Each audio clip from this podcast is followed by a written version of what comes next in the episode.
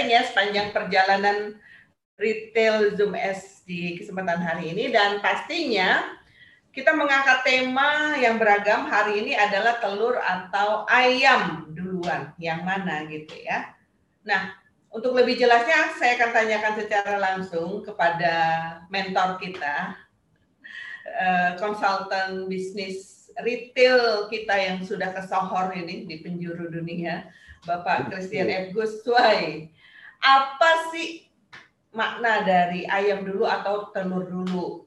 Ini juga sepertinya istilah yang sudah mendunia ya, egg or chicken gitu kan? Oke, silakan Pak Kris.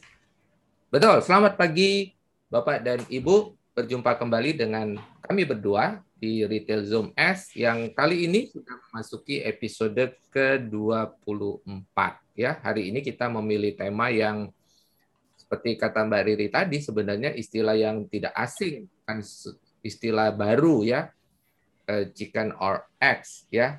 Apa maknanya? Nanti kita akan akan dalami. Nah tadi ada poll ya ada poll yang sudah kami lepas. Mohon partisipasi Bapak dan Ibu untuk mengisi ya. Istilah ayam atau telur duluan adalah situasi di mana kita harus mengambil keputusan yang menurut kita sama pentingnya. Ya, ya. sehingga kita bilang mana duluan nih? Telur dulu atau ayam dulu? Ayam dulu. Mana duluan nih? Telur gara-gara ada telur bisa jadi ayam, menetas jadi ayam atau karena ada ayam menghasilkan telur. Nah, ini di dalam bisnis itu ada situasi di mana kita menghadapi sebuah situasi di mana kita menganggap dua-duanya penting dan mana yang harus kita ambil duluan ya. Nah, terus ada pertanyaan yang tadi kita tanyakan kepada Bapak dan Ibu. Coba kalau Bapak Ibu dipersilahkan milih, akan milih mana, telur atau ayam ya. Nah, kenapa bisa milih ya? Oh, ada satu pilihan lagi yaitu bingung. Pertanyaannya, kenapa bisa milih? Kenapa kita harus ya. memilih apakah telur atau ayam? Atau ayam. Itu kan menarik ya, karena ternyata Mbak Riri sampai dengan hari ini sudah terjadi hmm. sampai dengan saat ini bukan hari ini sudah terjadi uh, angka yang sangat berbeda ya antara pilihan nanti kita akan bacakan. Jadi saya nanti akan okay. masuk. Ya, thank you Pak Hengki. Ya, uh, Mbak Riri, baju uh, yeah. kaosnya keren katanya. Ya. Oh iya, oke. Okay. Mbak Riri juga pakai kaos nih ya. Turn back and win again ya. Turn back and win again. Saya merah. uh, ini ada warna yang baru ya, warna biru. Biru. Jadi, kalau uh, kalau Bapak Ibu mau pesan bisa pesan ya. Oke, okay, baik kita, kita masuk ke definisi dulu ya. Menarik ya untuk tahu definisinya ya chicken and egg. Kalau kita cari, Bapak dan Ibu, kalau kita cari chicken and egg, meaning, arti dari chicken and egg itu, itu ternyata ada, dan memang itu istilah yang bisa kita hadapi dalam situasi sehari-hari, tetapi secara definisi ada. Yaitu eh, sebuah situasi di mana semuanya penting ya. Kelihatannya dua-duanya penting. Sehingga kita hampir eh, sulit untuk memilih yang mana yang duluan gitu ya. Makanya disebut situasi yang sebuah situasi yang mana kita sebagai pebisnis suka menghadapi. Kadang-kadang kita menghadapi. Saya kasih contoh ya, Bapak dan Ibu. Semalam uh, ada diskusi saya dengan salah satu uh, menti saya. Menti itu adalah mm-hmm. orang yang lagi di, di mentoring itu kita sebut menti salah seorang menti saya bertanya seperti ini. Ini situasi kan, Pak, mm-hmm. uh, karyawan saya masih ada yang belum UMP atau UMR ya. Karena menurut saya uh, situasi atau bisnis saya belum segitu baik atau omset saya masih kurang tinggi, kata kasarnya begitulah ya, lebih mm-hmm, kurang. Yeah. Nah, pertanyaannya, apakah kita harus UMR supaya bisnis kita bagus? Atau menunggu bisnis kita bagus dulu, baru kita bisa membuat atau membayar karyawan kita UMR atau UMP. Nah, coba kalau kita menghadapi situasi begitu, pasti kita berhadapan, menurut kita penting kan? Bisnis yang bagus hmm. penting, karyawan dibayar UMP, UMR juga penting, situasi yang penting. Tapi pasti kenapa yang bersangkutan bertanya? Pasti karena dia harus memilih. Dia belum bisa jalankan kedua-duanya. Nah, inilah mengapa kita sampai pada topik ini. Menurut saya topik ya. ini menarik ya. Ini sebenarnya kalau kita runut-runut Mbak Riri masih ada hubungannya dengan topik yang sebelumnya yaitu decisiveness ya. Kita sebagai pebisnis selalu akan berhadapan dengan situasi di mana kita harus mengambil keputusan, keputusan. atau di decision ya. Decide. Nah, yuk kita lihat lagi. Sekarang saya akan bacakan hasil poll sementara kita. Ah, bagus sekali, 100% ya. sudah mengisi. Jadi, eh, ketika Bapak Ibu diminta memberikan jawaban, jika boleh mengatakan menurut Anda mana duluan, telur atau ayam, yang menjawab telur 10%, yang menjawab hmm. ayam duluan 62 persen. Yang masih bingung 27 persen. Yang masih bingung. Okay. Yang memilih ayam naik jadi 63 persen. Memilih masih masih bingung 27 20 persen. Nah, baik, tidak masalah ya Bapak Ibu ya.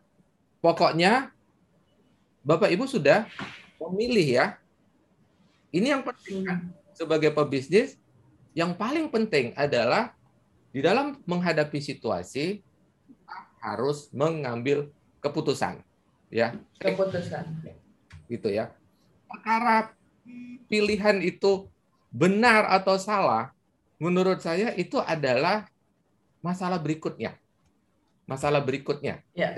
jadi eh, poin saya jangan takut mengambil keputusan benar atau salah itu ada gilirannya kita akan eh, mengatakan ah keputusan kita ini hmm. benar atau keputusan kita ini kurang benar. Nah, sekarang kita lanjut. Saya akan menjelaskan secara dari sisi filosofi ya. Kalau tidak salah di beberapa waktu lalu kita berhadapan dengan ini ya Mbak Riri ya. Uh, ya. Yang saya pernah menjawab oh itu chicken or egg, ayam duluan atau telur duluan? Ya. Telur ya? duluan. Masih masih ingat nggak?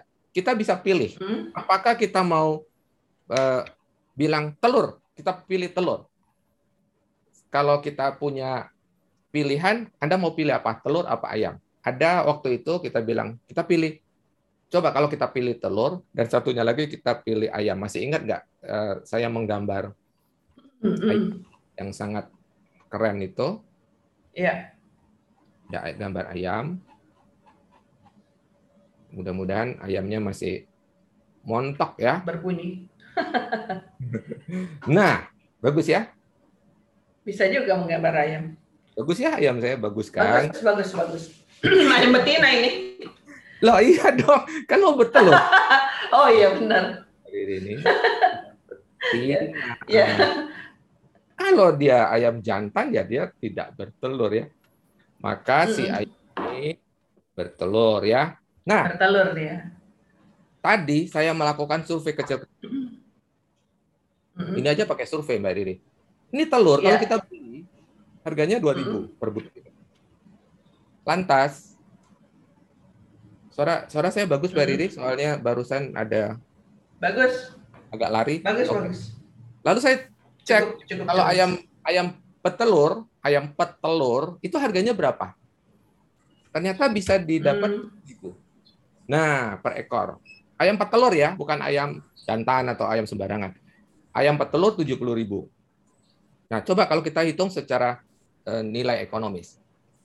Pemilihan tadi, ya. Bapak Ibu, suka atau tidak hmm. suka, membawa sebuah uh, filosofi ya, filosofi dasar pemikiran kita kenapa kita pilih telur atau kita pilih ayam. dasarnya seperti ini. Larinya nanti bagaimana Bapak Ibu ketika mengambil keputusan di dalam bisnis kita masing-masing.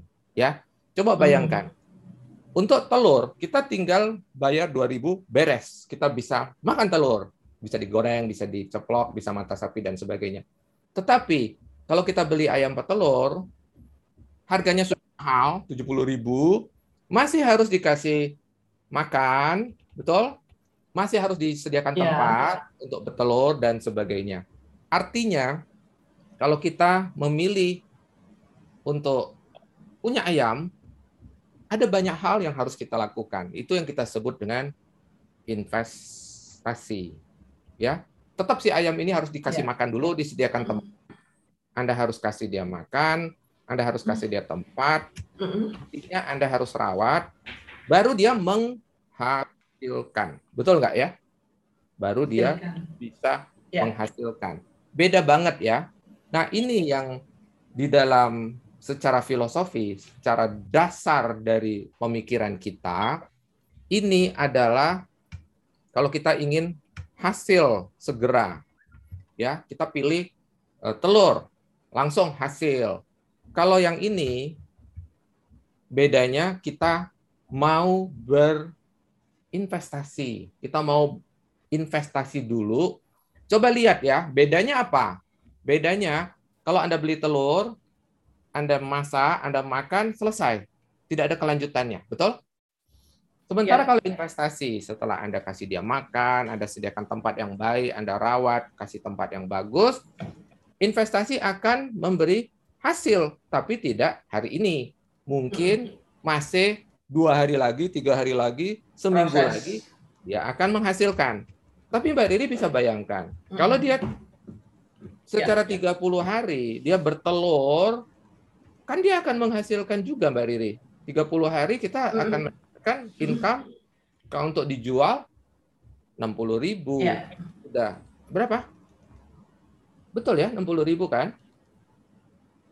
Sudah bisa sudah bisa memberikan hasil yang lebih besar daripada satu kali 2000 selesai. Ini 70 ribu. Butuh waktu ya untuk menghasilkan dia butuh waktu waktu. Tuh. Iya kan? Nih, 30 hari untuk mencapai 60 ribu. Sebentar lagi, beberapa saat lagi, ya kita potong. Kan makan mesti di... Mesti Pakannya di, ya? Mesti beli kan, pakan ternak Betul. mesti beli. Tempat harus dibikinkan, kadang kita harus beli kandang. Perawatan hmm. kan butuh butuh biaya pak, biaya listrik dan sebagainya. Vitamin. Vitamin lagi supaya jangan kena COVID dan sebagainya. Nah, tetapi menurut hitungan saya, Mbak Riri, tiga bulan kita sudah balik, balik. modal, betul nggak? Betul. Ya kalau tiga bulan kan konsisten bertelur sudah 60 ribu kali tiga. Potonglah segala macam investasi ini dan itu kita cicilin, kita mulai menikmati hasil. Nah, menurut saya penjelasan ini, analogi ini mudah-mudahan membantu kita dalam mengambil keputusan. Ya, apa keputusan kita? Apakah kita fokus pada hasil saja dan melupakan dampak ke depannya? Atau kita fokus pada sesuatu yang di kemudian hari akan saya nikmati. Contoh, contoh lain Mbak Riri ya. Ya. Kan tadi ada tuh, saya bayar UMR, bisnis saya akan bagus, atau bisnis saya bagus dulu, baru saya mampu bayar UMR. Nih saya mm-hmm. saya jawab ya.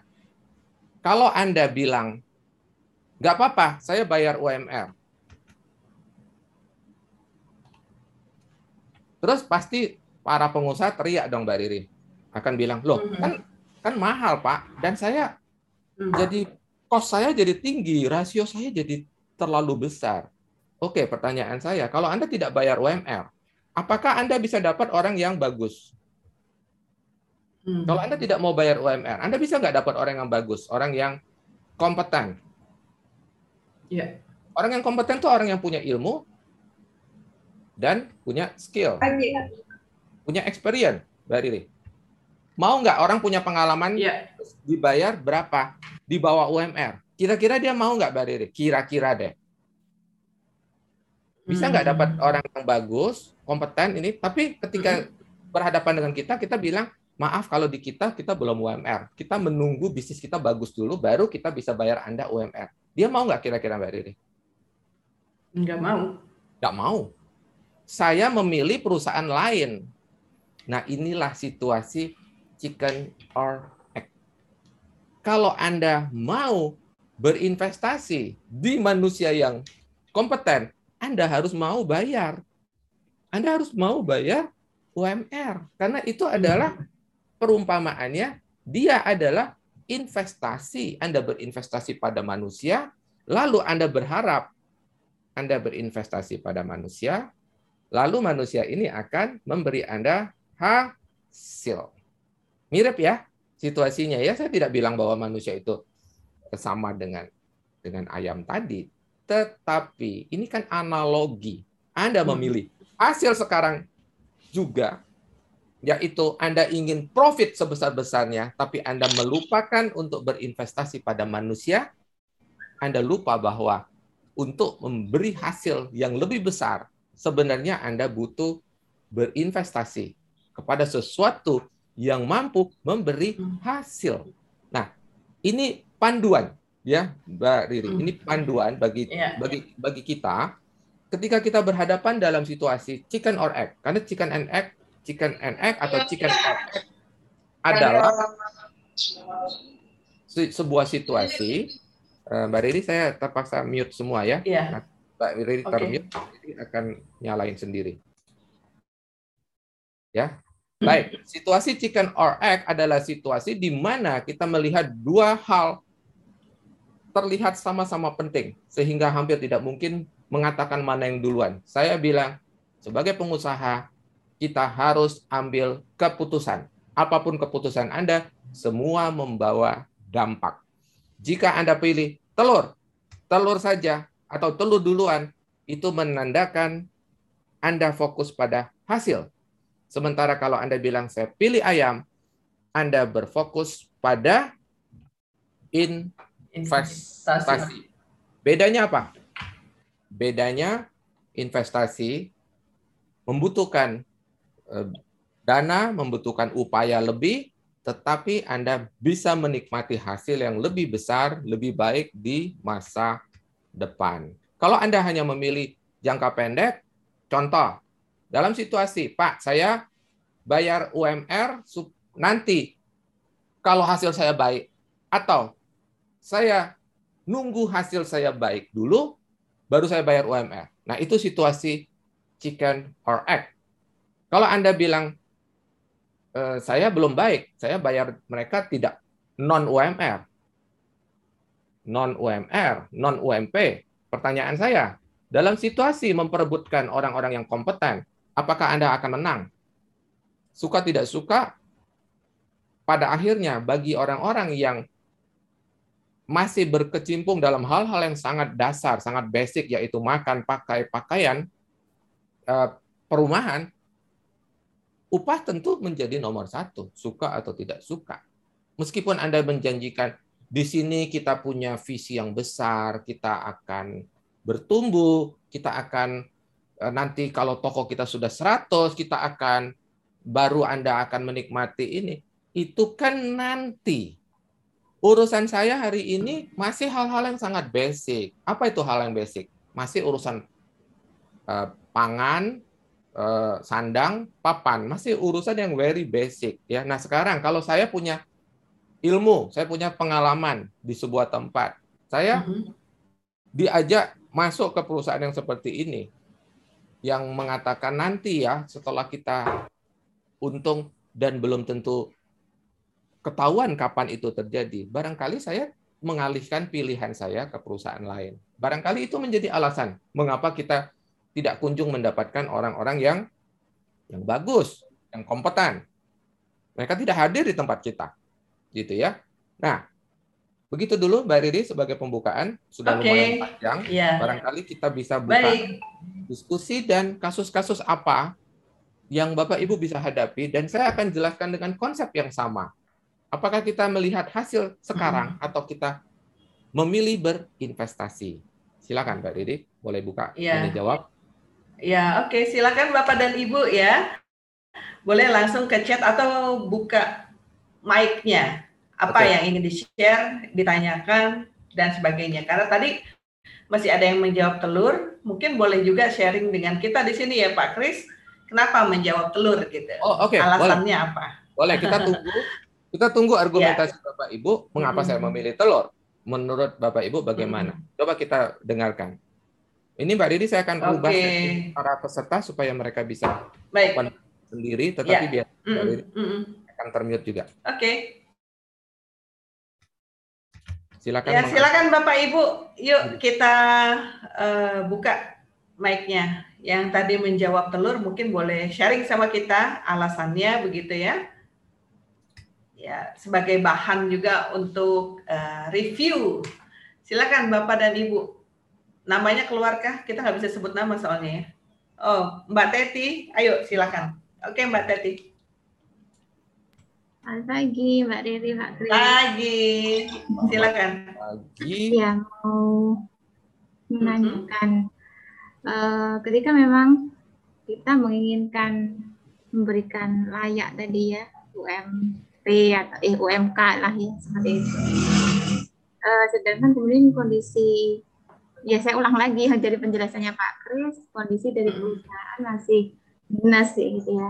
Istilahnya uh, yang ingin saya tanyakan yang pertama apakah kita memaksakan diri gitu kan? Bukan berarti kita nggak mau tapi kita mau gitu kan? Cuma kondisinya masih minus gitu ya. Kemudian apakah kita memaksakan diri? Yang pertama kemudian yang kedua eh, perlu berapa waktu kemudian kita bisa menilai seseorang walaupun kita sudah punya batasannya gitu ya eh, kemudian untuk memberikan reward atau mungkin jenjang struktur gajinya sampai dia bisa naik ke UMP gitu kan. Apakah hanya tiga bulan, apakah enam bulan? Mungkin itu dulu Mbak Riri. Ya baik Bu Teti. Monggo Pak Kris. Ya baik, terima kasih um, Bu Eti. Bu Teti. Bu Teti. Salah sebut ya. Tuker. Kita punya teman akrab namanya Bu Eti. Oke. Okay. Uh, Bu, Ibu Teti, masalah memilih tadi apakah telur atau ayam tadi, saya dari awal sudah mengatakan itu adalah pilihan ya. Jadi eh, tidak masalah juga bahwa saat ini saya eh, dalam situasi saya saya memilih telur dulu gitu ya. Atau dalam situasi analoginya saya bayar UMP atau belum UMP. Oke, saya belum bisa bayar UMP tadi eh, terhadap pertanyaan seberapa lama inilah PR kita. Ya kalau kita terlalu berlama-lama dan tidak mengenali kehebatan seseorang, maka dia akan merasa rugi berkorban untuk menerima dulu non UMP ya. Nah, jadi itu saran saya memang eh, ini pertanyaan yang bagus sebenarnya ya karena ini situasi yang tidak terhindarkan. Eh, saya balik ke ilustrasi kalau begitu.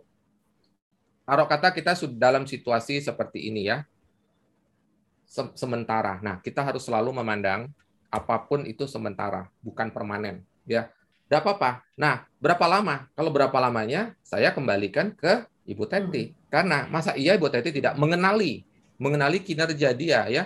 Eh, kita akan mengenali apakah orang ini pertama. Ini balik lagi ya ke materi-materi kita sebelumnya. Apakah orang ini attitude-nya pas dengan nilai-nilai saya? ya dong, pasti saya akan kembalikan ke nilai-nilai. Attitude itu cara dia berpikir, cara dia merasa, cara dia bertindak. Apakah sen nyambung satu frekuensi dengan value yang value nilai-nilai inti perusahaan yang mau saya bangun. Perusahaan ini mau saya bangun dengan nilai-nilai seperti ini. Apakah dia matching? Ya, apakah dia matching? Kemudian kalau attitude-nya bagus, apakah dia berjuang bersama kita, dia menampilkan yang terbaik, ya, memberikan yang terbaik kan attitude itu cara dia mikir, cara dia merasa, cara dia bertindak. Apakah dia eh, pas dengan harapan kita kan? Ada ekspektasi kan? Ekspektasi, harapan. Kita berharap apa terhadap orang ini? Apa yang kita harapkan dengan kehadiran dia? Ya, tentunya kalau bicara waktu ya menjadi relatif. Apakah dua bulan, tiga bulan?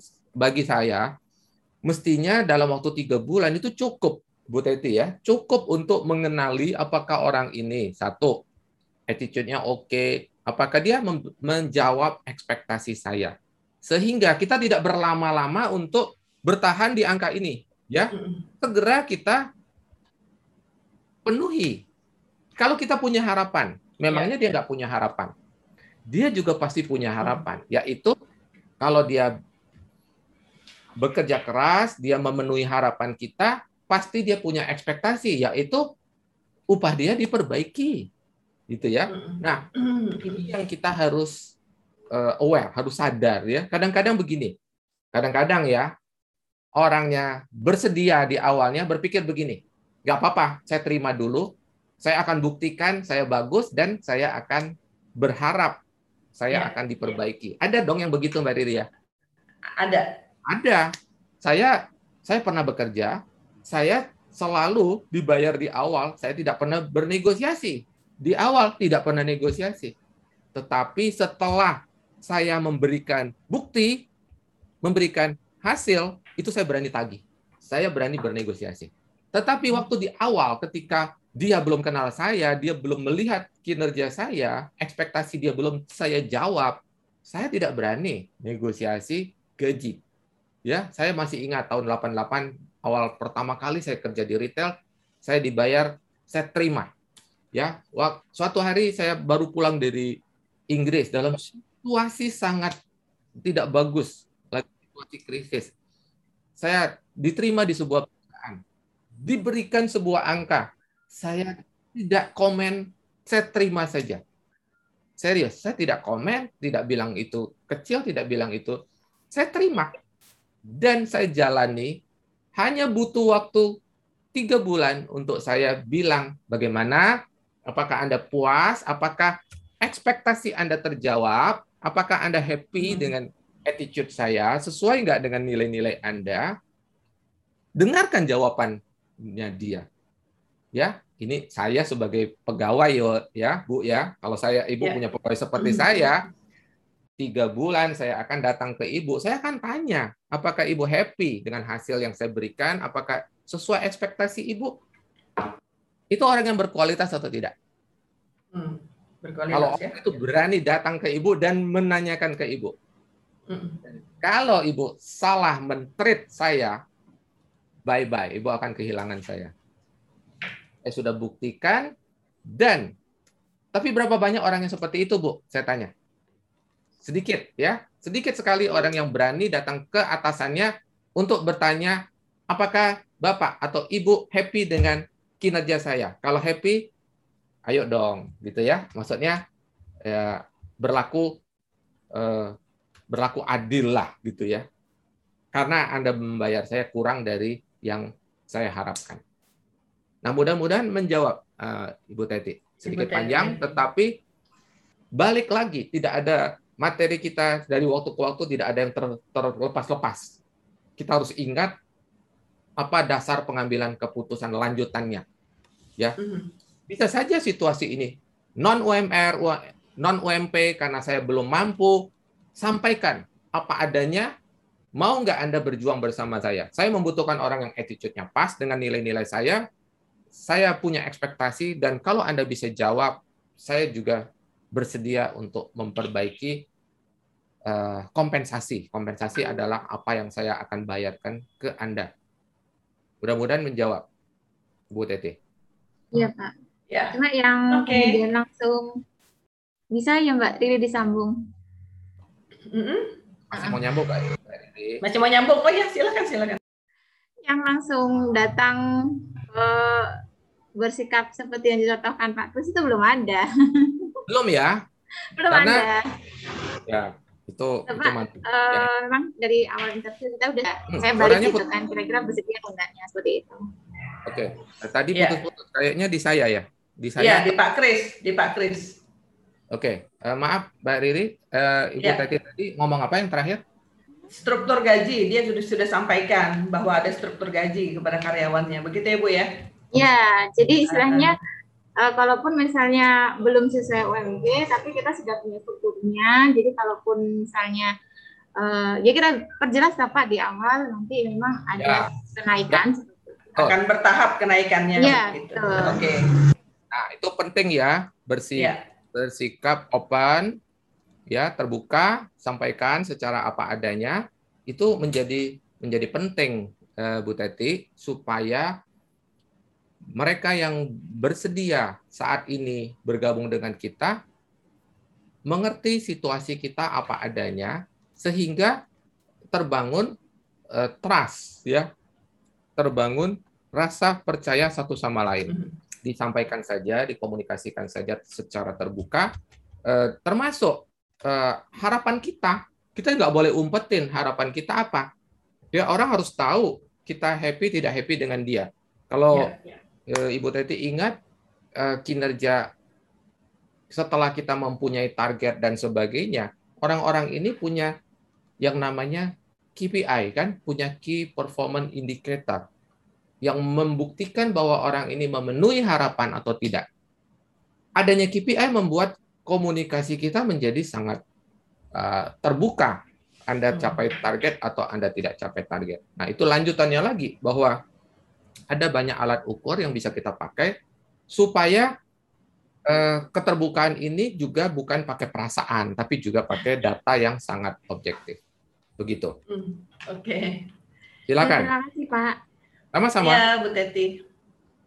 Oke, okay. yuk silakan. Ini ada juga yang masuk di chat kita ya. Boleh. Pak. Tidak adanya uh, Pak Rashid tidak adanya struktur gaji pada perusahaan akankah berimbas pada terjadinya keluar masuknya karyawan? Oh, oke. Okay. Balik itu balik Pak Pak Rasid, itu balik ke yang kita bilang uh, kalau di minggu-minggu lalu ya, yaitu apa sih yang disebut hmm. fondasi? Hal-hal apa yang kita bisa sebut fondasi? Kan saya waktu itu mengatakan yeah. fondasi ciri-cirinya ada kata struktur, ya Contoh barusan tadi Pak Rasid bilang apa? Struktur gaji. Nah, itu fondasi bukan? Fondasi, ya. Bila mana kita hmm. memiliki sebuah perusahaan, kita ibaratkan bangunan, kalau kita ingin membangun bisnis yang besar, kuat, tinggi, bagaimana mungkin kalau fondasinya rapuh, ya? Fondasinya harus bagus. Nah, tadi contoh, apakah tidak ketiadaan struktur gaji itu Oh, dengan sendirinya, ya adanya hmm. kata struktur sudah menunjukkan bahwa Bapak sedang mempertanyakan fondasi. Ya, kalau fondasinya tidak kuat, tidak kokoh, ketika kita naik pasti akan mengalami masalah dengan bangunan tersebut, ya.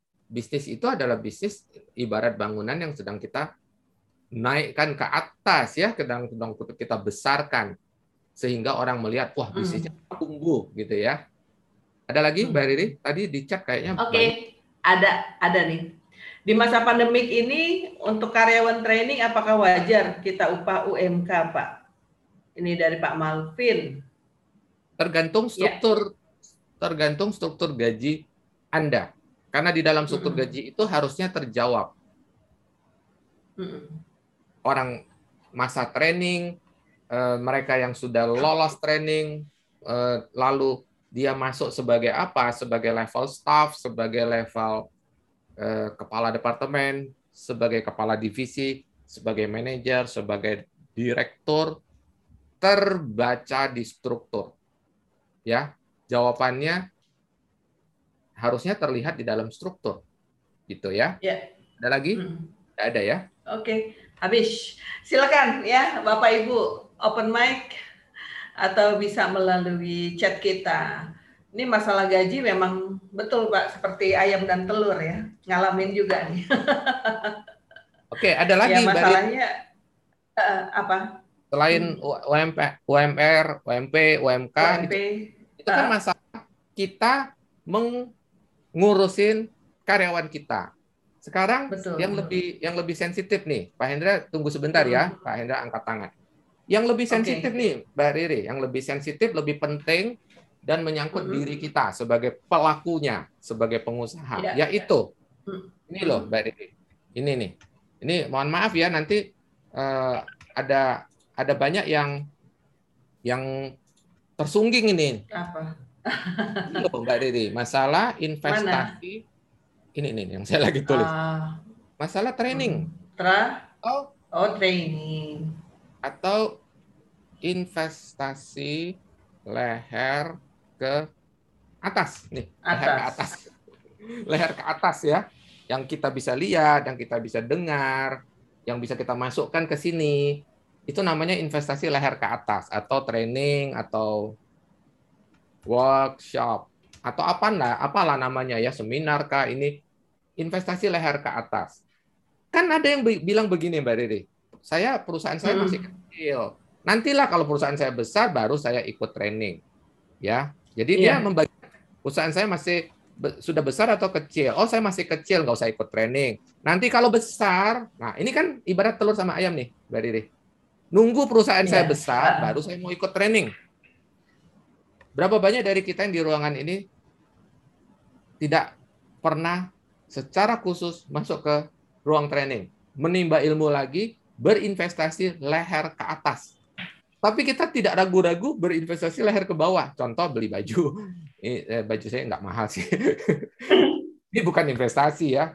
Eh, Contoh kita beli baju bisa, beli jam tangan bisa, beli sepatu bisa, beli ikat pinggang yang bagus. Eh, Pak kalau kalung gimana? Ya kalung kan leher ke bawah nih. Kalung ke bawah Kalau ya, pas di leher, Pak. leher ya, perbatasan. Bercanda. Perbatasan. Perbatasan.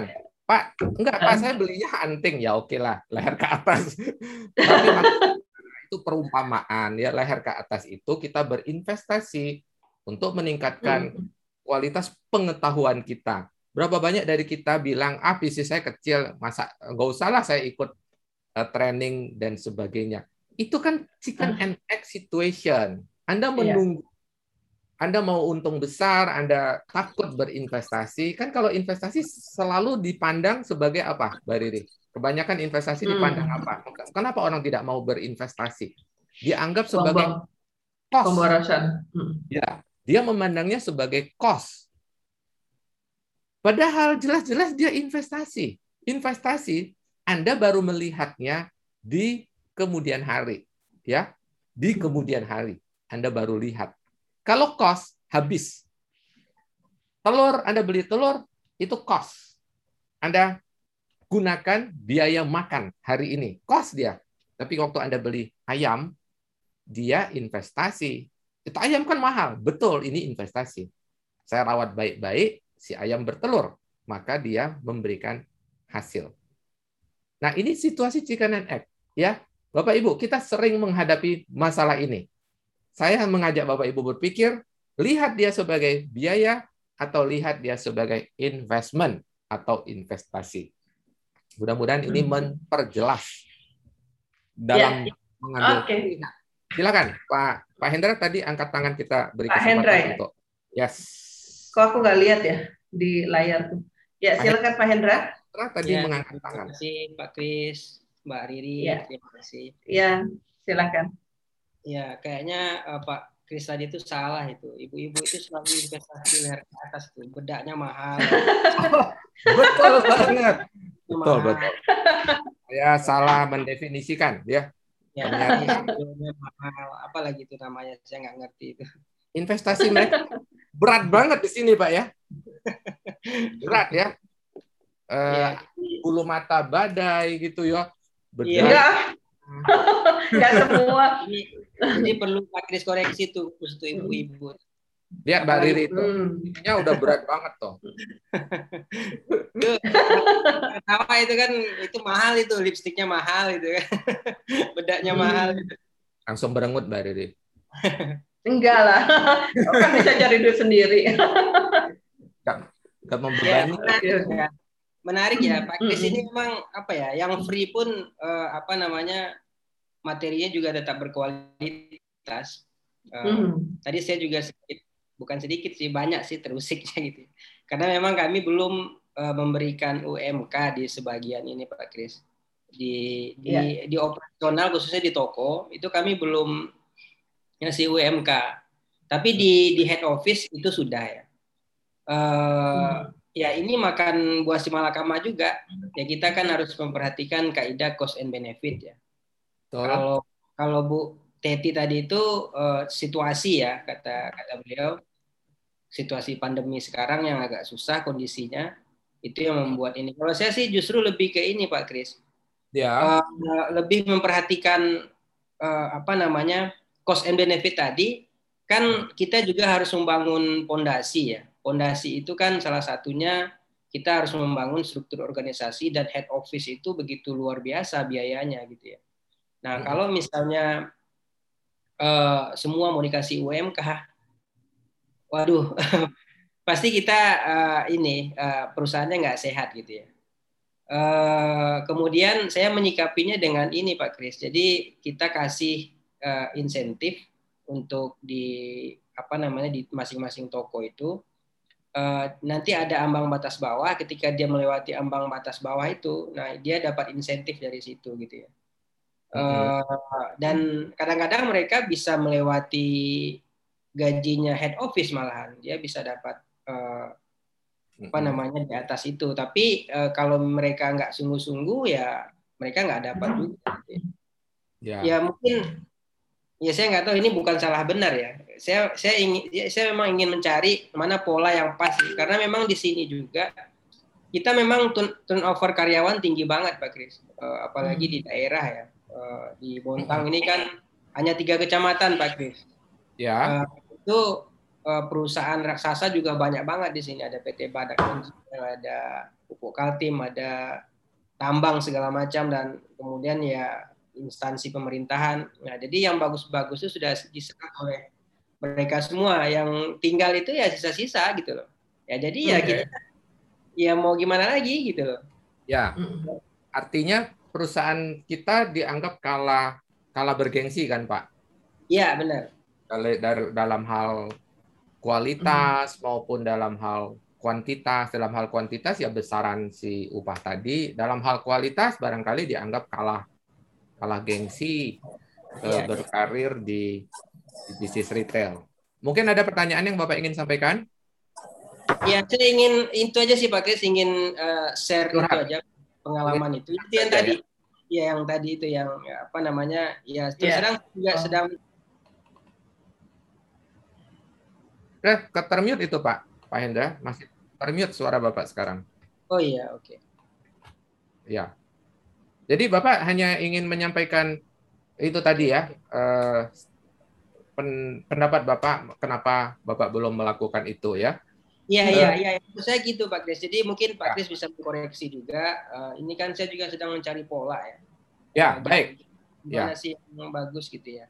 Ya baik. Terima kasih Pak Hendra. Seperti di awal tadi sudah saya katakan, sebenarnya itu disclaimer.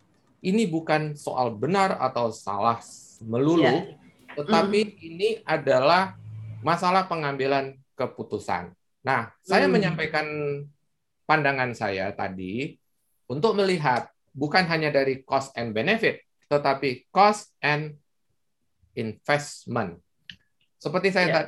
katakan, bisa saja Pak kita memulai dengan uh, belum UMP, belum UMK karena kesulitan bersaing memperebutkan tenaga-tenaga bagus. Tetapi ingat, perputaran orang kita bisa jadi salah satu sebabnya memang kita tidak memiliki daya saing dalam memperebutkan orang-orang yang bagus. Sehingga orang yang bagus mengatakan, ya nggak apa-apa, saya mendingan jauh ke pelosok, ke dusun-dusun, ke daerah pertambangan, ke hutan perhutanan, nggak apa-apa daripada saya di sini di kota tapi dapatnya sedikit. Bagi dia itu itu benar Pak, itu cost and benefit bagi orang tersebut. Tetapi kita sebagai pengusaha, maukah kita memandang mana yang cost, mana yang investasi. Contoh Pak ya, dalam hal tadi yang saya katakan um, training, saya melihat Pak, ada orang yang kalau training itu sangat tidak memandang bulu ya. Pokoknya ada training, saya ikutkan orang saya eh, bahkan dalam situasi seperti ini eh, terkendala katakan saya tidak tidak bisa ngumpul dengan mereka satu ruangan dia beli lebih dari satu akun. Dia beli buat dirinya sendiri, dia belikan buat kepala bagiannya. kalau waktu itu kita pernah mengadakan malam hari, dia juga belikan buat karyawan-karyawannya. Karena dia tidak ingin memaksa karyawannya ikut workshop sampai bermalam-malam di kantor hanya gara-gara kita tidak mau berinvestasi. Kita hanya mau beli satu, bayar satu dan kita kumpulkan dan tidak mau e, keluar ekstra. Padahal orang-orang kita akhirnya pulang jam 11 malam, jam 12 malam ke rumah. Itu contoh. Ini contoh. E, sekali lagi, Eh, bukan soal benar atau salah. Putuskan sendiri. Toh apa pun keputusan kita kan Bapak Ibu yang akan menikmati, yang akan merasakan dan bukan bukan saya. Ya, saya hanya menyampaikan pandangan saya. Syukur-syukur diterima, syukur-syukur uh, bermanfaat dan bisa di bisa dimanfaatkan oleh uh, Bapak Ibu. Uh, saya di ruangan ini ya ada ini ini tanggapan saya juga kepada Pak Hendra Eka Putra. Apakah betul? Apakah betul kalau kita bayar UMK, UMP, bahwa kita akan akan tidak baik bisnis kita atau bisnis kita menjadi high cost?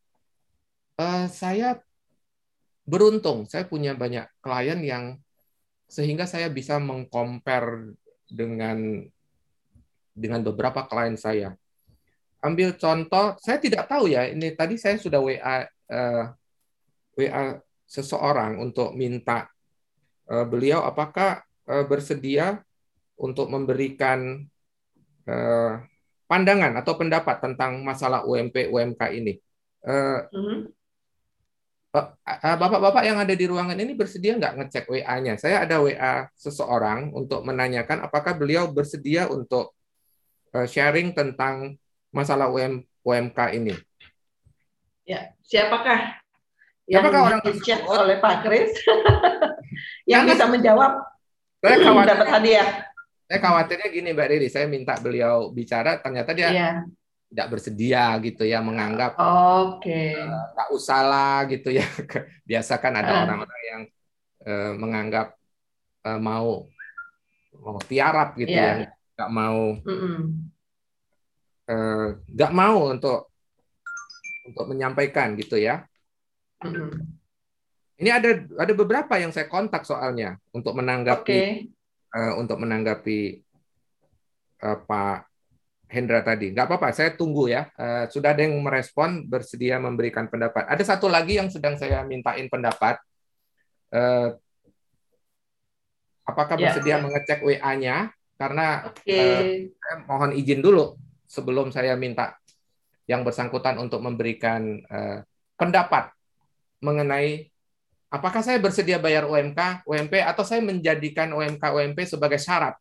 Nanti tunggu saya bagus dulu baru saya eh, UMK atau bagaimana mereka menyiasati. Saya percaya tidak uh, saya setuju dengan Pak Hendra Eka Putra, setuju dengan siapa tadi juga bahwa tidak semuanya tiba-tiba bisa kita bayar UMK atau Iya, Bu Teti. Saya okay. yakin ya. Uh, yeah. Bentar, yang bersangkutan belum uh, belum itu tak waktu dua menit. Mm. Baik, ada pertanyaan yeah. lain? Ada Pak Rashid nih, Pak Rashid. Uh, tidak ada tidak adanya struktur gaji pada perusahaan akankah berimbas pada terjadinya keluar masuknya karyawan? Tadi sudah dijawab Mbak Riri. Oh sudah ya, oke. Okay. Ya. Ada lagi? Uh, iya. Habis ya? Kayaknya habis nih ya. Ada ada satu tuh Pak Ismail. Pak Ismail. oh ini baru ya, betul. Bagaimana cara kita untuk melewati tantangan? Oh masih ada tiga loh Mbak Riri. Iya. Bentar ya. Oke. Okay. Yang mana? Silakan Mbak Riri bacakan yang mana. Ada iya. tiga. Yanti, iya. Gatot, satu lagi Pak Ismail. Nah, Pak, bagaimana kalau pada saat rekrutmen ini Pak Gatot ya, perlukah kita menjelaskan secara detail skala gajinya? Hmm, Oke. Okay. Setelah Pak kita Gatot. yakin, setelah kita yakin ini orang yang cocok dengan ya. kita menginginkan, kita harus open kepada yang bersangkutan. Jadi pada saat mm -hmm. proses rekrutmen, Anda harus open Iya. Termasuk resiko bahwa dia mengatakan, oh maaf kalau begitu saya tidak jadi. Itu resiko. Resiko atas iya, pilihan iya. kita tadi. Lanjut Mbak Riri. Pak Guswai, ini yang tadi meneruskan Pak Ismail ya. Bagaimana cara kita melewati tantangan dalam perencanaan dan penentuan gaji walaupun sudah melakukan evaluasi jabatan dengan sangat hati-hati? Karena masih ada sejumlah faktor yang mempengaruhi tingkat gaji yang sering di luar kemampuan perusahaan. Ya, makanya di dalam bisnis kita tidak ada single factor ya, tidak ada faktor tunggal untuk berhasil. Ya, bisnis kita Eh, yang yang saya sering katakan sebenarnya sederhana ini tetapi detailnya banyak. Detailnya banyak ya. Kita harus mengelola perusahaan kita secara baik mengajak ya. orang-orang kita bekerja sebaik-baiknya.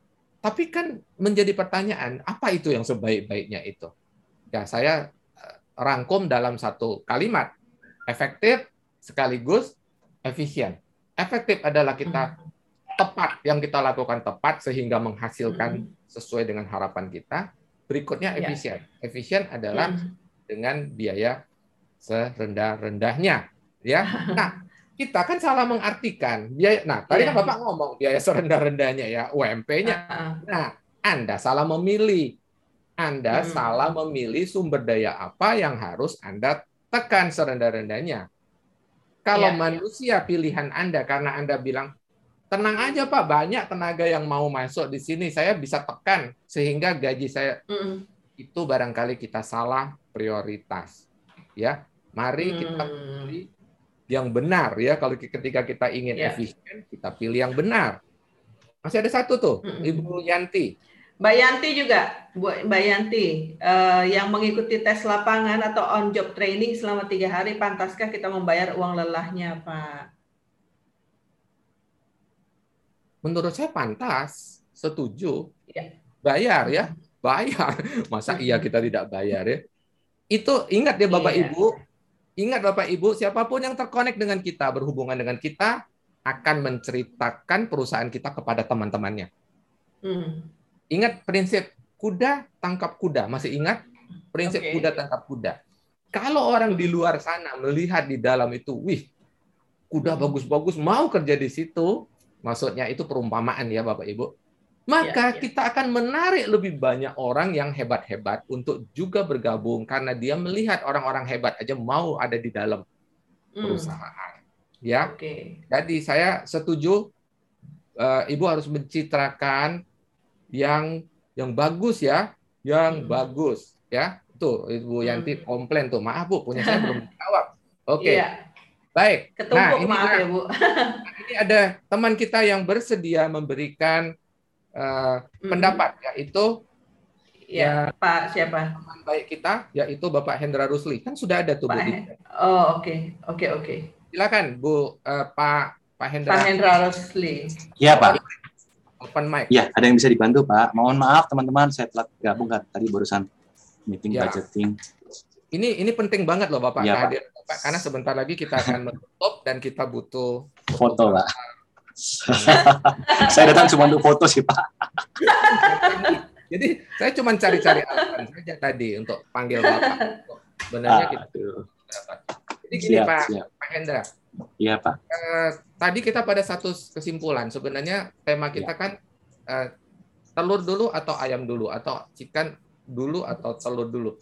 Tetapi yang paling hot sepertinya contoh adalah kita harus bayar UMP demi mengejar hasil baik atau baik dulu baru bisa bayar UMP. Saya pengen dengar pendapat Pak Hendra. Saya tidak tidak bilang bahwa Pak Hendra sudah bagus semuanya, tapi saya ingin mendengarkan pendapat Bapak tentang pilihan tadi. Kalau Pak ya. Hendra akan memilih seperti apa? Ya, kalau saya pribadi sih Pak, kalau uh, tentunya tergantung kemampuan perusahaan kan ya Pak ya. Awal-awal itu yang pasti tergantung kemampuan perusahaan. Tapi saya selalu ngomong sama tim saya bahwa uh, yakin sama saya bahwa saya punya niat yang baik untuk memperbaiki nasib kita semua. Jadi nggak cuma nasib saya, tapi nasib teman-teman juga. Jadi bahwa kalau sekarang masih ada yang belum UMP, yakin nanti suatu saat akan UMP. Kalau bahwa sekarang ini belum kita dapat cuti full semuanya, nanti akan tercapai. Itu saya ngomong dua tahun yang lalu sih Pak. Tetapi sekarang ya dua tahun yang lalu. Ya, dua tahun yang lalu itu Pak. Ini naga-naganya kalau sekarang bagaimana? Uh, sekarang sudah sih Pak. Jadi uh, nggak sekarang satu tahun yang lalu itu sudah UMP semua pak. Jadi uh, selalu saya bilang kalau saya ada rezeki, kalian ada rezeki. Itu prinsip saya dari pertama buka toko pak. Jadi ketika sekarang perusahaan sudah sanggup ya kita bayar pak. Satu tahun yang lalu sudah terwujud. Sudah pak. Menurut bapak itu berat atau tidak? Setelah bapak uh, kalau uh, yang pertama sih kalau omsetnya kurang ya berat lah pak. Apa yang mau dibayarkan kan pak kalau kurang omsetnya. Kedua marginnya kurang nih. Ya berat lah pak, setengah mati sesak narkos lah saya. Baik, hold sebentar Pak Hendra, hold sebentar. Ini untuk yeah. menjawab pertanyaan Pak Ismail tadi ya. Saya okay. ingin uh, sebentar ya, uh, tahan sebentar Pak Pak Hendra. Saya ingin menjawab pertanyaan Pak Ismail saya sudah sangat hati-hati, begini dan begitu. Prinsipnya tadi, efektif sekaligus efisien yang disampaikan Pak Hendra, yaitu selama omset kita mencapai target, plus profit ya. kita sesuai rencana, nggak ada masalah toh. Lanjut Pak Hendra. Ya, jadi uh, kami sudah bisa itu Pak UMP. Uh, eh, memang sekarang masih ada yang belum UMP, ada yang masih training kan belum Pak. Jadi eh, tetapi ada progresnya Pak. Mereka masuk pertama terus tiga bulan, enam bulan sampai satu tahun itu pasti kami UMP kan Pak. Jadi kalau misalkan tadi dikatakan kita takut bayar orang ini itu ya memang kita yang salah pilih orang sih Pak yang seperti selalu Pak Guswei teriakan di telinga saya. hmm. ya, ya tanggung jawab saya juga lah untuk menaikkan mereka itu sehingga mereka itu layak dapat gaji sekian sih Pak. Itu sih. Jadi eh, kalau memang saya kasih dia gaji sekian, ya saya harus naikkan kompetensinya dia supaya dia layak di situ Pak. Karena apa? Karena kembali telur atau ayam bagi saya sih ya kita nggak bisa tersandera dengan orang-orang yang tidak mampu sih Pak. Artinya memang akan ada orang-orang tidak mampu kita bayar kelebihan ada. Tetapi kalau kita nggak bayar dengan bagus, kita nggak akan dapat uh, apa ya kandidat-kandidat yang bagus juga masuk ke tempat kita kan. Betul. Itu sih. Gitu, Jadi Bapak setuju dengan istilah saya tadi. Jika kuda-kuda yang bagus yang kita incar di luar sana tidak melihat ada kuda di dalam, mau nggak mereka masuk? Ya sulit sih Pak. Sulit, Tetapi ya. memang kalau ngomong kuda ini Pak sebetulnya juga tergantung dari image perusahaan kita juga kan ya Pak ya. Maksud saya nah. apakah mereka happy nggak? Makanya saya uh, di belakang ini kan Bapak sarankan kalau misalnya ada pembagian insentif, posting lah. Jadi hmm. supaya menarik juga orang-orang yang yang yang memang serius gitu loh mau bekerja dan memperbaiki nasib mereka Pak. Ya, setuju sekali. E, memang betul. E, saya beberapa waktu berbulan-bulan ya bahkan mengatakan ke Pak Hendra, Pak kalau lagi bagi-bagi insentif, tidak apa-apa diumumkan saja. Bukan karena kita sombong, bukan karena kita perusahaan yang paling generous atau tidak, bukan. Kita punya e, misi yaitu melengkapi orang-orang kita. Saya yakin sampai hari ini Pak Hendra pun masih masih men, mencari orang yang sosok-sosok yang tepat untuk bergabung. Iya apa enggak Pak Hendra? Masih masih nyari enggak? Atau sudah full? Ya, uh, masih Pak. Karena kan organisasi kita kan bergerak terus dan kita tetap ada sih job yang kita bisa tempatkan gitu dengan orang yang tepat. Itu dia.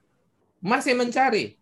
Nah, dengan citra bahwa saya tidak takut bayar orang UMP, saya punya plan, eh, trainee pun sudah ada skemanya, satu tahun pasti UMP, UMR, perusahaan saya punya target, sampai target kita bagi insentif, itu adalah promosi yang baik ya, seperti dikatakan Pak Hendra, itu promosi yang baik, membangun citra perusahaan sehingga orang tidak memandang sebagai uh, masuk ke perusahaan kita sebagai sesuatu yang kalah kelas dibandingkan ini tidak begitu. Kita harus membangun. Siapa yang akan membangun citra perusahaan kita kalau bukan kita? Kenapa kita kalah gengsi dengan perusahaan tambang, dengan perusahaan minyak? Enggak. Saya sudah melewati masa itu. Tahun 1988, ketika saya mulai karir saya, saya merasa sempat merasa minder. Kenapa? Membandingkan teman-teman saya yang kemudian berkarya di, wih keren ya, ngantor di SCBD di Sudirman Tamrin keren ya kantor saya tidak pernah keren kantor retail nggak pernah keren tapi apakah itu hmm. sesuatu yang patut kita sesali enggak enggak orang-orang uh, retail sekarang bayarnya mahal bagaimana lanjut Pak Hendra Iya kalau ini ada yang curhat seperti itu Pak Hendra Eka Putra tadi saya juga curhat juga nih Pak kalau mau curhat kan uh, ya, beberapa teman-teman di sini ini kepingin jadi PNS, Pak. Jadi saya Oh. ini berlomba-lomba juga dengan PNS. Jadi Iya, iya, iya, iya. saya saya curhat aja ini Pak. Sekarang ini ada delapan orang kami Pak sudah tes PNS dan saya ini merasa, oh ini menduakan saya ya. Ah, jadi saya merasa saya diduakan sih Pak di situ. Tetapi Hmm. dalam hal ini saya mem- membuka aja positive thinking bahwa oh berarti memang saya yang belum layak untuk kalian ya. Ya, ya tunggu deh nanti sampai waktunya nanti saya akan bisa bilang bahwa pilihlah pada hari ini mau sama siapa kamu bekerja saya atau Ya. mereka atau PNS kalau PNS PNS saya saya tetapi Betul. sampai saat itu terjadi Pak ya ya kita kelembo ade ya Pak Guswa ya apa ya istilah kelembo ade ini ya kita Maklumi. ya maklumi saja kalau saya nih. Ya tahun depan akan terjadi lagi. Ya dari tahun lalu sudah terjadi. Apa-apa. dan orang-orang yang tahun lalu menjadi PNS sampai sekarang masih mau jadi PNS masih Ya. lah karena cita-cita mereka kan begitu. Emang saya kurang ganteng saya bilang gitu kan Pak? Bahasanya begitu. Tapi ya memang ada hal-hal yang nggak bisa cuman ganteng Pak Eka Pak Hendra. Ya memang Nggak ada hal-hal Ganteng saja nggak cukup ya. Cewek, ibu-ibu setelah setelah merasakan sulitnya kehidupan tidak mengutamakan ganteng sebagai nomor satu. Betul nggak? Setelah kita Iya. memahami sulitnya kehidupan, ganteng saja tidak cukup. Ya. Hmm. Nah, baik. Eh, meskipun kita sudah lewat, Mbak Riri, kita minta izin. oke. Hendra, thank you Pak Hendra atas kesaksiannya atau eh, Mm-mm. mau berbagi dengan kita. Mm-mm. Semua orang mempunyai kesulitan ya, termasuk Pak, termasuk Pak Hendra Rusli. Musuhnya bukan UMP lagi, bukan UMR. Iya. Musuhnya teman-teman yang ingin menjadi pegawai negeri PNS. lebih keren ya, pegawai negeri keren gitu, dikalah kalah keren. Ada pensiunnya Pak katanya Pak. manajer siapa bilang swasta emang nggak bisa bikin pensiun? Saya tidak pernah khawatir Hmm. dengan dengan urusan Betul. saya. Saya Ya sudah- itu kan itu pemikiran mereka maksudnya. betul. Itu kan mindset ya Mbak Riri ya, bahwa Mm-mm, betul. seolah-olah hanya PNS yang bisa. Thank you Pak Hendra. Mbak Riri, saya minta izin kita extend. Oke. Pak Ya. Kris, ya. sedikit, Ada, masih ada satu Pak Kris, Mm, Siapa? sedikit Siapa nih Pak. yang? Pak Hendra. Pak Hendra Hendra Eka, Hendra Eka. Ya, Pak eh, Kris, tadi satu- menarik ya. Tadi saya lupa eh, terkait dengan apa namanya lagi nih. investasi leher ke atas ya. Ya. Eh, itu saya justru gini Pak Kris, saking kurangnya minat teman-teman ini untuk belajar, apakah itu secara apa training atau baca buku ya. Saya malahan untuk buku wajib, buku wajib itu bukunya Pak Kris, ada buku wajib itu yang eh, ada lima saya punya itu buku Pak Kris. Eh, itu kalau teman-teman bisa membaca dalam satu bulan ya satu buku itu, kemudian dia bisa menjelaskan eh, Hmm. detail-detailnya 500 ribu bonusnya saking ininya Pak Kris. Bapak kasih dia reward. Ya. Iya, Baik. 500 ribu. Hmm. Betul, Pak. Betul, betul. Bapak berani itu investasi, Pak. Membuat orang akhirnya mau belajar dan diberi reward. Kadang-kadang seperti itu, Pak. Bagaimana kita seserius itu kita meningkatkan kompetensi orang kita. Ya, bahkan kita berkorban ya, kita kasih reward. Thank you, Pak Hendra Eka Putra. Ya. Iya, iya. Ini satu lagi. Eh, mohon maaf ya, saya mau lanjut. Ada satu lagi eh, Mm-mm. Bapak yang saya minta memberikan pandangan yaitu Bapak Edi Pandean. Silakan Pak Edi Pandean bisa membuka mic karena saya tahu banget bagaimana perjalanan Pak Edi Pandean sampai akhirnya menegaskan kita bayar tidak kalah dengan UMP. Silakan Pak Edi Pandean mau ber- berbagi dengan kita semua di sini.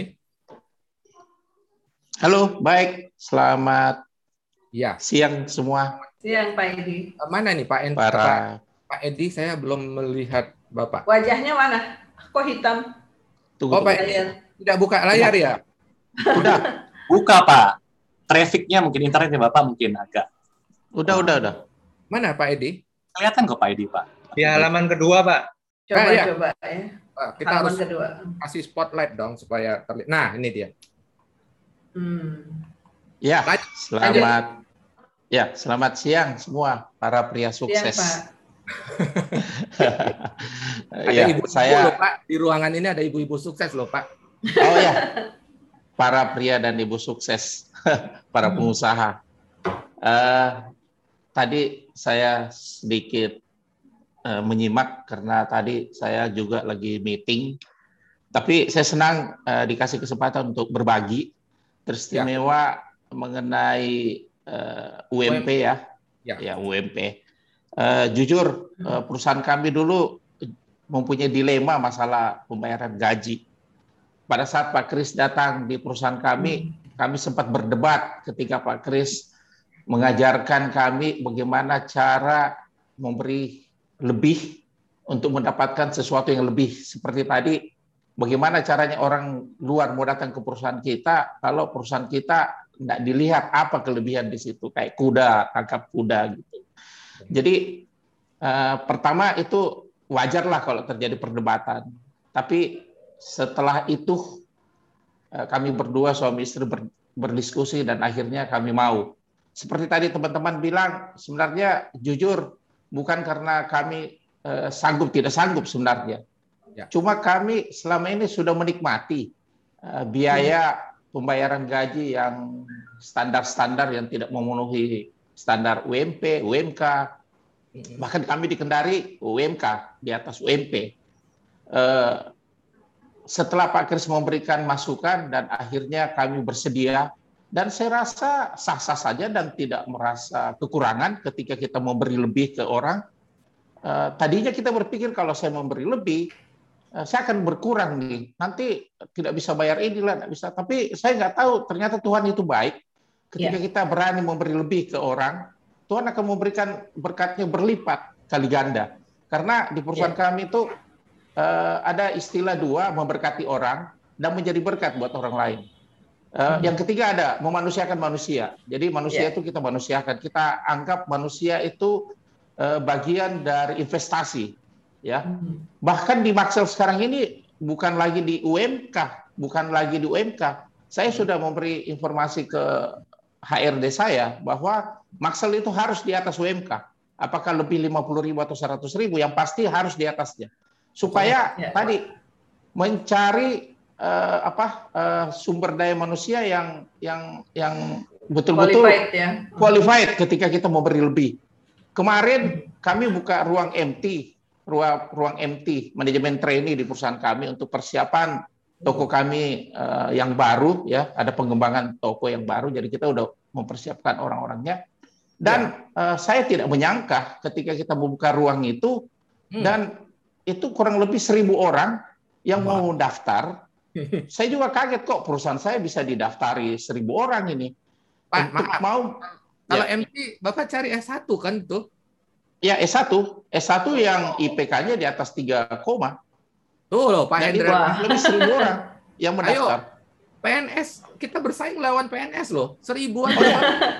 Jadi kemarin, kemarin Pak saya ikut ikut mewawancara, ikut mewawancara para uh, yang terpilih ini dan saya bangga Pak dengan perusahaan saya karena saya selalu bertanya tentang uh, apakah Anda pilih Maxel atau PNS dan wow. mereka jawab Maxel. Saya bilang kenapa harus pilih Maxel? PNS Alasan. itu menjanjikan. Mereka memang ada satu dua lah yang memang uh, pilih itu karena budaya kultur hmm. di masyarakat kita tuh ketika mereka jadi PNS itu uh, derajatnya terangkat di mata masyarakat hmm. mereka. Nah, itu yang membuat kita jadi. Tapi Apa di mata kita, mertua ya Pak? Ya mata mertua kalau sudah PNS. Tapi ternyata setelah sekian lama Maxel kurang lebih 8 tahun dan dia terus bermetamorfosa, terus berganti dan berubah menjadi lebih baik.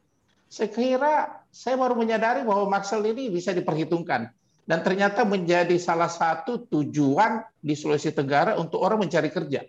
Yes. Dengan dengan saya sendiri mewawancara tidak dengan mendengar dari hak kepala manajer HRD, saya baru menyadari wah ternyata perusahaan saya luar biasa lah.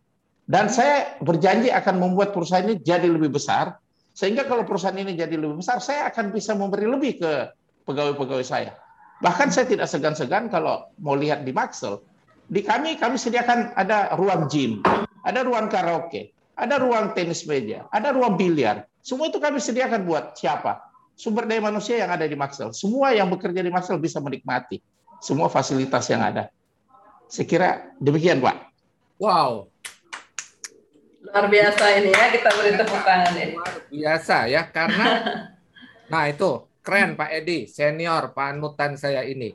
Iya betul eh, Pak Edi eh, sangat eh, membanggakan kita kita pernah bersama-sama di tahun 2012 2013 eh, ketika saya mendampingi Pak Edi bukan sesuatu yang kita mulus-mulus saja ya tadi Pak Iya, Pak. bilang Pak Edi kan juga punya pride ya, punya kebanggaan. Beliau bukan pemain an- bukan anak kecil ketika saya dampingi, beliau sudah sukses, tapi beliau sangat open minded. Ini satu hal saja yang saya eh, perhatikan. Pak Edi itu orang yang sangat tangguh, sangat keras, pengusaha hebat, tapi open minded. Ini yang jarang ya. Jarang itu gampang di eh, diberi masukan pada awalnya bisa terjadi perdebatan karena beliau kan bukan gelas kosong, beliau gelas yang sudah terisi. Ada per perdebatan dan hal-hal yang yang kita perdebatkan sangat berkualitas. Bahkan eh, saya tidak segan-segan eh, juga eh, mengatakan dengan eh, lumayan keras kepada Pak Edi bahwa mengapa harus begini? Kenapa? Karena saya tidak eh, saya pantang menyerah kalau sesuatu hal yang baik baik buat klien tidak mungkin saya biarkan terserah kamu lah. Bukan, itu bukan tipe saya. Kalau itu baik buat klien saya, saya akan dengan berbagai cara persuasif terus menerus sampai akhirnya Pak Edi dan Ibu Vera kan dengan pasangan diskusi eh, feedback eh, introspeksi mengambil keputusan. Ini yang paling penting kan? Bukan soal benar atau salah tetapi kualitas dalam Yes. pengambilan keputusan. Ya? Yes. tetapi bayangkan yang disampaikan Pak Edi tadi. Betul-betul nilai-nilai dasar ya, sesuai dengan nilai-nilai dasar perusahaan yang dibangun oleh Pak Edi. Kenapa kita takut membuat orang berbagi dengan orang-orang kita? Itu orang-orang kita kok. Kenapa kita takut? Justru kalau kita merasa ini mahal loh, UMP plus. Loh, kalau Anda merasa mahal, Anda pasti pilih yang terbaik. Best of the best bisa bersaing dengan pilihan PNS atau Maxel. Itu loh yang saya inginkan, Bapak-bapak dan Pak Hendra Rusli khususnya. One day, Pak, ketika Bapak berhadapan dengan mereka, kalau Anda dipanggil sini dan Anda diterima di sini, Anda pilih mana? Gak apa-apa. Ada yang akan pilih PNS, tetapi jangan kaget. Ada yang bilang, saya pilih seperti yang dialami Pak Edi Pandian. Saya pilih Maxel. Kenapa? Karena begini, begini, begini karena kita membangun reputasi. Coba rasakan, Pak Edi interview sendiri dan Bapak dengar langsung. Itu lebih lebih nikmat Pak daripada dengar dari orang-orang Bapak yang bilang, "Pak, mereka pilih kita karena begini." Pasti lebih nikmat ketika Pak Edi dengar langsung. Mengapa kamu Yes. pilih saya? Betul apa Pak Edi? Yes, betul Pak. Lebih nikmat. Itulah barangkali ya, so- istilah saya hadiah hadiah dari usaha serius Pak Edi selama ini eh, membangun perusahaan yang Bapak inginkan sesuai dengan nilai-nilai yang Bapak inginkan, nilai-nilai baik yang Bapak Iya. inginkan, Bapak nikmati. Itu saya sudah dengar berkali-kali Pak bahwa Maxel bukan hanya salah satu pilihan cari kerja, tetapi menjadi destinasi atau istilah Yes. saya the most admired company. The most admired company artinya kalau saya harus memilih Maxel ada dalam peringkat atas selain mohon maaf PNS. Bapak bersaing dengan PNS karena tiap tahun PNS akan buka. Ya. Thank you banget Pak Edi Pandian. Eh, Suatu eh, sharing yang menurut saya sangat menggugah karena banyak kan saya harus berhadapan dengan kenyataan di mana orang-orang akan mengatakan nggak segampang itu Pak. Ngomong gampang. Saya sudah sudah koreksi ya. Nggak ngomong itu nggak gampang ya. Saya sudah koreksi ya. Nggak gampang. Nah hari ini saya senang ada Pak Hendra Rusli ada Pak Edi Pandean mau berbagi Ya. bahwa dalam pilihan mana pun kita bisa memilih untuk berinvestasi bagi masa depan perusahaan kita. Kalau kita berpikir sesaat, pasti kita cari pokoknya murah. Tapi kalau kita berpikir untuk masa depan, punya cita-cita yang lebih, bukan sekedar mau punya uang. Saya rasa Pak Edi sudah melampaui masa itu. bukan lagi itu yang diinginkan, yaitu kita ingin berguna lebih kepada lebih banyak orang. Pasti itu sudah tujuannya, bukan lagi untuk memperkaya diri sendiri dan semoga itu akan terwujud. Begitu Pak. Saya saya bisa kasih satu yang bagus Pak. Saya lupa Boleh? tadi. Silakan. Saya menyadari eh, dua JM saya itu satu dari kawan lama pernah kerja di S Hardware, satunya lagi mantan JM eh, mantan kepala cabang BCA yang sudah pensiun. Dua-dua orang ini Oh. Pak datang ke saya Pak, bukan saya melamar mereka. Saya bilang Yes. kenapa mau ke Maxel? Mereka bilang saya lihat sesuatu yang baik di Maxel. Saya bisa percaya Maxel untuk masa depan saya di hari-hari ke depannya. Itu yang menjadi masukan buat saya bahwa Maxel bukan sesuatu yang ecek-ecek, tapi sesuatu yang memang perlu dijadikan suatu pilihan, Pak. Itu. orang melihat mereka bisa menggantungkan masa depan mereka di perusahaan Bapak. Betul? Ya? Iya. Orang melihat saya bisa menggantungkan masa depan saya di perusahaan ini. Ya, itu mengapa eh, eh, mantan eksekutif dari perusahaan yang bahkan lebih besar skalanya dari Pak Edi. Iya. Perusahaan publik loh dua-duanya. BCA Iya. adalah perusahaan go public, kawan lama adalah perusahaan go public, tapi eksekutif mereka, senior eksekutif mereka mau bergabung dengan Maxel ya. Mudah-mudahan Iya. Itu sudah menjadi eh, menjadi tanda bahwa mereka melihat Maxel bukan ya seperti yang Bapak katakan tadi, bukan perusahaan eh, ecek-ecek ya, sangat serius di desain. Terima kasih sekali lagi Pak Edi Pandian juga Pak Terima kasih, Pak. eh, atas sharing Bapak karena itu akan mem- mem- menguatkan semua orang yang masih ragu-ragu meskipun sekuat apa pun saya bicara tanpa ada orang-orang yang membuktikan mereka pasti menganggap ah paling-paling Pak Kris hanya bicara begitu ya thank you Pak Edi Pandian dan Pak Hendra Rusli Terima kasih, Pak. saya eh, kembalikan ke Mbak Riri sudah waktunya kita Oke. menutup, eh, Sudah waktunya kita tutup ya. Em, Bu, ini nih satu yang belum terjawab, Bu Rina. Dikip minggu depan atau bagaimana? kita skip minggu depan ya Ya, karena oke. Ya. Sudah lewat waktu setengah jam nih. Baik, kalau begitu terima kasih banyak Bapak dan Ibu untuk sharingnya Pak Edi Pandean, Pak Hendra, dan teman-teman semua yang eh, sudah 24 episode ya setia bersama kita di Retail Zoom S. Oke, tentunya kita berfoto dulu kenang-kenangan karena Pak fotografer sudah bersedia meluangkan waktu juga Hadir. untuk sekali ceklek ya. Heeh. Ya, oke, Bapak Ibu eh, bisa membantu dengan eh, buka kameranya. Eh, Ya. buka kamera untuk kita bisa eh, berfoto bersama ya. Iya. Yuk, Iya, kita berfoto iya. bersama. Pak Hendra Ya mohon semua kah? Ya. Ah, Ibu Alis nggak buka kamera, Elis, Bu Elis. Dan Bu Lince. Oke, ini aja, Pak Rudi. Ya. Ya. Salam grow and prosper. Oke, salam grow Satu, and prosper. Dua, tiga. Oke, saya tes dulu ya Pak ya. Saya lihat dulu. Oke semua kah? Nggak ada yang merem ya? Ah, kayaknya aman ini Bu. Aman-aman semua. Wah, luar Iya. biasa kalau begitu. Bu Elis lagi racing katanya, lagi di jalan. Oke. Ya.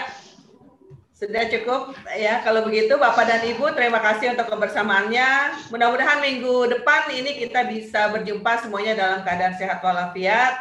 Amin. Tentunya prokes kita kenceng ya, tetap jaga kesehatan dan eh, sukses untuk Bapak Ibu semua. PR-nya ada nggak Pak Kris? PR untuk meng-UMP kan? Tadi mudah-mudahan dengan dengan sharing dari Pak Hendra, Pak Edi Pandean, dari Teti, dari Pak Hendra Eka Putra, mudah-mudahan menggugah kita semua untuk pada waktunya eh, kita punya keyakinan bahwa kita bisa eh, satu pasti membuat perusahaan kita Ya. sehat ya, profit, Amin. sales Amin. uh, Amin. salesnya bagus sekaligus profit. Kedua, percayalah kebaikan tidak akan sia-sia ya. Eh, salah satu saya yakin pilihan Pak Edi Pandian untuk mengatakan saya akan UMP kalau perlu Ya, UMP plus atau UMK plus itu dengan Amin. sebuah keyakinan yaitu tidak ada yang sia-sia ya, tidak ada yang sia-sia Oke. pasti akan kembali ke kita. Terima kasih. ya, oke. God bless us. Sampai ketemu lagi. Salam grow and prosper. Baik Bapak Ibu, terima kasih atas kebersamaan kita. Sampai jumpa Selasa depan. Salam grow and prosper. Tetap Terima kasih Pak Guswe. Terima kasih Pak Guswe ya. Terima kasih. Terima kasih Pak Kris. Thank you Pak Edi, Terima Pak Agus kasih, Adi. Thank Terima kasih, you. Liv ya. Ya, kasih, silakan. Ya. Terima kasih Mbak Riri.